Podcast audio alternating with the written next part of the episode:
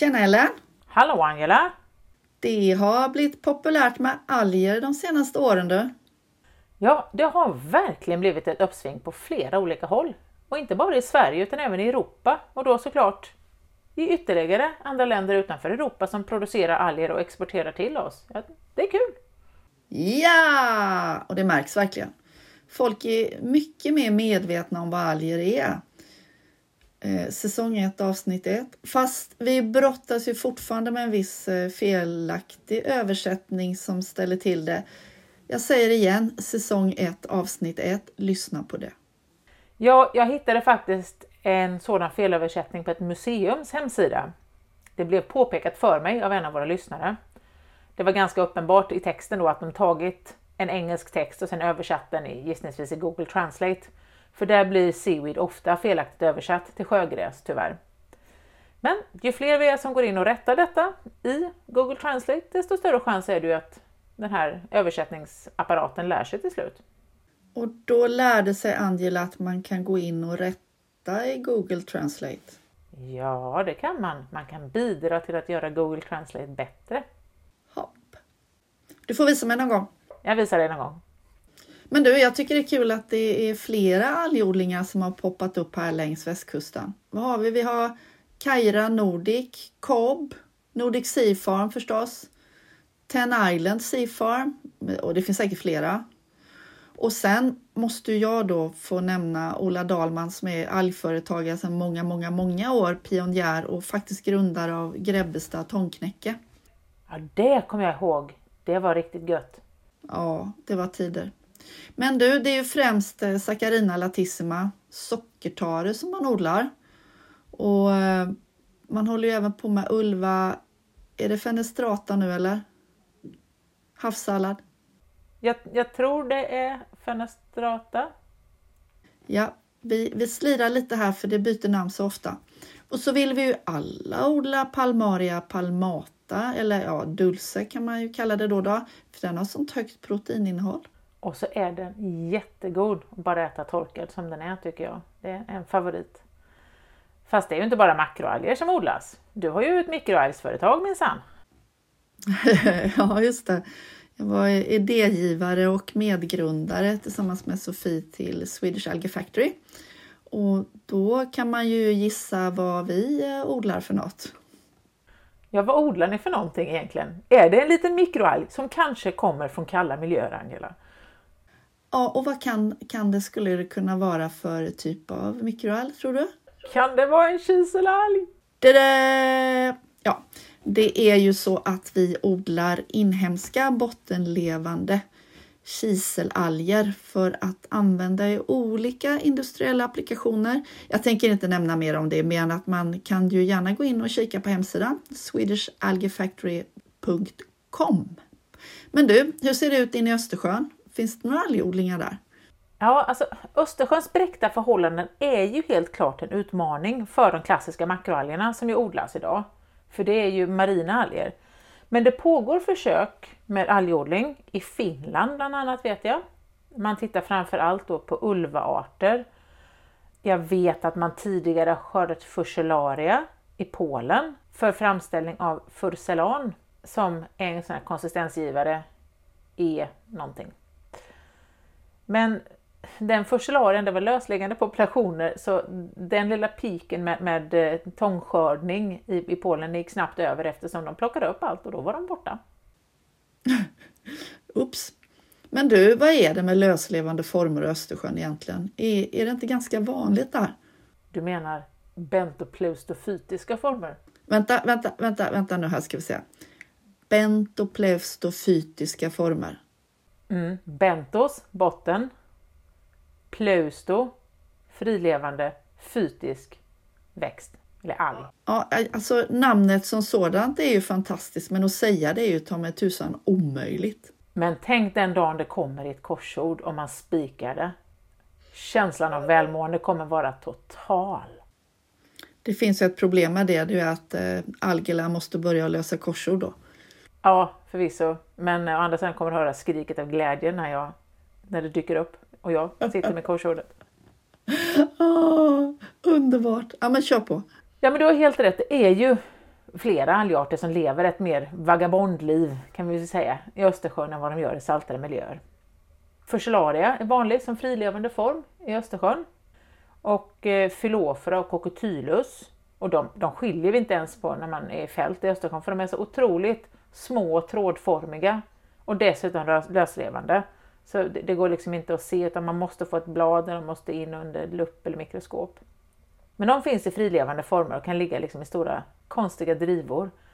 Och sen så såklart så har vi frilevande blåstång i Östersjön som jag har arbetat med lite grann. här Tumbleweeds of the Baltic Sea.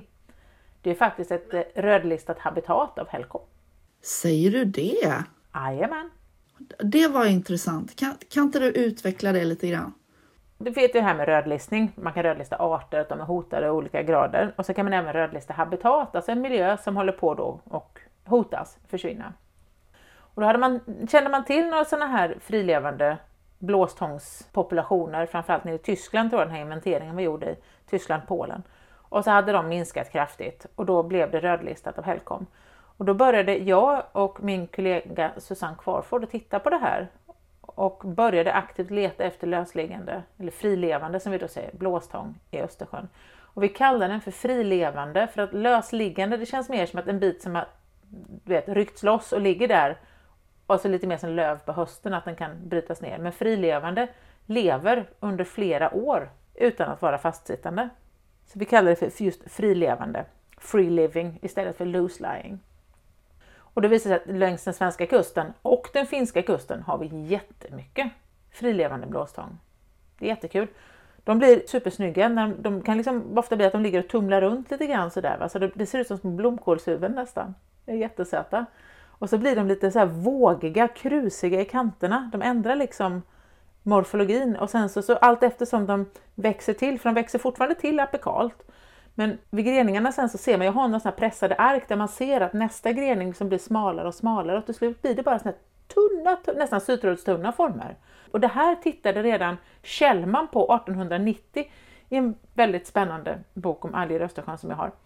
Antikvariat.net är din vän i sådana här saker. Och Svedelius sen i hans avhandling 1901 fortsätter vidare på Kjellmans den här, han hade gjort sådana här formaserier, hur olika blåstångsformer utvecklades ur varandra liksom. Och det här är jätteintressant att, att titta på tycker jag. Jag hade faktiskt en doktorand på, vid Helsingfors universitet som tittade på det här och hon höll på med genetik. Det var ett slitgöra för Fucus är den elakaste organismen i hela världen att jobba med genetiskt. Men nu, nu funderar jag lite grann här, alltså Tumbleweeds of the Baltic Sea. Jag kan inte släppa detta. Varför är det ett hotat habitat? Det var ju för att man undersökte, man visste inte att det fanns så mycket. Så man hade väl några lokaler där det fanns och så såg man att de hade minskat.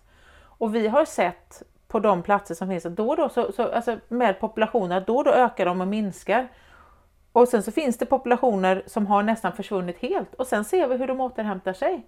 Vi vet inte riktigt hur ursprunget är. Vi tror att de då kommer från fastsittande, det är fastsittande material som sen kommer och på något sätt vissa har då har den här egenskapen att kunna också bli den här frilevande formen. Men det som då Roxana Preston, min doktorand, gjorde, hon tittade på om det var de fastsittande som växte nära den frilevande populationen som var källan till den och det var det inte. Men att det, i och med att de är tumbleweeds så de rör sig, de har ett otroligt stor range. Vi gjorde en sån här studie när vi gjorde en, en 10 gånger 10 ruta. Vi var lite naiva och tänkte på land kan man jobba med du vet, stor ruta. Eh, vi gjorde en 10 gånger 10 meter ruta och så märkte vi upp såna här frilevande plantor i den. Vi satte små, små lappar på dem. Och så gjorde vi det här på, på sex olika lokaler. Och så skulle vi se hur många kunde vi hitta sen efter ett år. Och jag tror vi satte ut totalt då, det var sex lokaler, så vi satte ut 120 märkta plantor. Hur många tror du vi hittade? Jättemånga. Tre. Det var ju jättemånga tre. Ja, precis. jag hör tonen av ironi. Sarkasmen flödar. Jo, naturen. Jättekul att jobba med naturen. Jag förstår varför vissa bara låser in sig på ett labb och, och arbetar och har naturen i en petriskål för då kan den i alla fall inte komma ut. Sant. Nej, det var jätteintressant att se att, att de, de rör sig troligtvis mycket, mycket mer och har då en, så att säga, som vi kallar för en konnektivitet, att de, de liksom hänger ihop. Så det är jättemycket vi inte vet om det här habitatet överhuvudtaget. Men det ligger där, det, det är friskt och levande så det kan täcka bottnarna 100%. Det ser ut som det är en, världens tätaste tångskog. Och då tänker man oj, oj, oj, botten är täckt, det kommer vara syrefritt under. Nej, nej, nej, de är fortfarande levande och fotosyntetiseras och sedimentet är hur fint som helst under. Fantastiskt. Mm -hmm. Men eh, normalt så säger man ju, och det lär ju både du och jag ut till våra studenter, att makroalger vill sitta fast på en hård botten. Men så lär vi också alltid ut att det finns ingenting som är 100 procent i, i algvärlden eller biologins värld överhuvudtaget. Nej, I biologin är det aldrig 100 procent och i algvärlden så är man glad om det är 50 procent. det enda som är 100 procent säkert är att det aldrig är 100 procent. Ja, men ungefär så. Vi har ju några arter som aldrig lever fastsittande som vi hittar i Östersjön också. Grönalgen Cladophora fracta och Chetomorpha linum är ju två exempel. De finns ju också det, på västkusten. Är det flytande gröna smattor? Ja, fintrådigt flytande grönt. Men jag tänkte på det du. För det här är ju sånt som, här sitter vi och, och, och pratar om ditten och datten och fintrådiga grönalger. Jag menar, när vi pratar om, om sockertång och sånt så, så, hänger ju många med, för det har ju varit i ropet och i media. Men när vi pratar om Cladophora fracta så kanske det inte är precis lika många som får upp en bild i huvudet och tycker ja, Cladophora fracta, det är den och den grenvinkeln. Om man är intresserad av alger, bara sådär att man har upptäckt det och så vill man lära sig mer, vad finns det egentligen för möjligheter idag? Jag tycker du har en lite tråkig ton här. Du menar att eh, du tänker att vårt gafflande är, är lite knävigt att förstå, eller? Well, vi kan väl säga att det kanske inte var alla som förstod när vi pratade om pitplugs. Eh, jo, det, det, tycker jag är ännu tråkigare ton. Men eh, hörru, du och Lena Kautsky har ju tångbloggen. Där finns ju jättemycket bra att hämta. Vi ska, ja, ja. Det, det, det finns ju en hel del där. Vi har ju hållit på eh, i snart, herregud, vi har hållit på i snart tio år. Tio år var det förra året. Ja, jösses, mer än tio år. Ja, det är underbart. Men eh, jag tänkte om man vill ha det här, alltså, faktiska mötet mellan människor. Jag tänker just artbestämning. Det är ju ganska knepigt att komma igång med på egen hand om man inte har någon som, som visar och, och, och hjälper och säger men det är det här du ska titta på, det där är sånt här litet hår eller det här är den här lilla cellen. Eller bara ha någon som har ett vettigt mikroskop. Det tycker jag i alla fall. Jag menar, Cat Charlotte har ju tångsafari. De är ute och snorklar och då får man se de stora ätliga algerna. Det är ju jättebra och relevant för de flesta som då är intresserade av alger. För jag tänker att man kommer oftast in i det här matspåret. Mm. Men eh, du har väl gett en makroalgskurs för dykare på Dive Team i Lysekil på sommaren eller? Och så har vi ju alger i klassrummet-kursen. Bara 25 platser visserligen. Ja, klart, båda de här är ju låsta i tid. Ja, det är ju inte alltid man kan komma loss och ta sig till en plats på en viss tid. Hmm. Det är ju det, att det är lite knepigt just att möjligheterna är antingen ja, en, en helg om året. Och då måste man kunna. Du, mm. är det kanske dags att organisera en liten ideell intresseförening?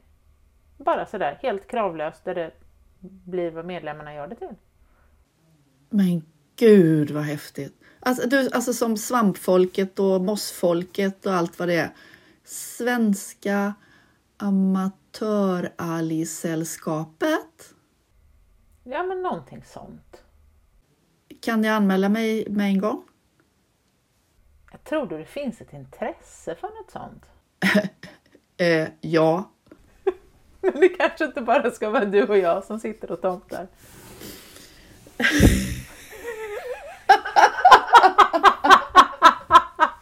Den omedelbara repliken på det är Va? Räcker inte det? ja men du, jag, jo jag tror att det skulle finnas intresse definitivt för något sånt. Hur, vad kan man tänka? Eh, Alltså hur ska man kunna lägga upp det? Några, några träffar om året? Alltså jag vill ju ha fysiska träffar och man, man kanske reser någonstans, man artbestämmer och man... Ja, men man skulle kunna ha så. Sen så just att man då har någonstans att nu har jag samlat in de här algerna. Vad, vad tycker ni att det ser ut att vara? Mm. Eller det här var en cool lokal, jag hittade de här. Så att man liksom, om man vill se en viss alg så kan man få hjälp med vart man ska åka. Eller bara helt enkelt prata lite alg sådär som man ju vill göra ibland. Ja, alltså det är ju, ja. Ska, ska, vi, ska vi inte bara fråga våra lyssnare? Ja, men gör det. Kära lyssnare, om just du är intresserad av att gå med i Svenska amatöralgologerna, kanske vi heter, eller så, så skicka ett mejl till ellen at biologik.se. Då sätter vi upp ditt namn och din mejl på en lista, du vet GDPR och sånt där. Och så återkommer vi med ett utskick efter jul, nyår. Hur låter det? Vad tror du Ellen? Ja, men det blir fint. Jag lägger ut samma info på Tångbloggen. Och sen så är det jättekalas om folk vill sprida ordet på sina sociala medier eller via klassisk verbal kommunikation till andra personer som de tror skulle tycka det var kul att lära sig mer om alger. Eller bara algsnacka lite allmänt. Och jag tänker, man behöver inte ha några förkunskaper överhuvudtaget, eller hur? Man ska bara tycka att det är kul. Ja, alltså tanken är ju att man bildar en förening där man kan träffas och utbyta algkunskap.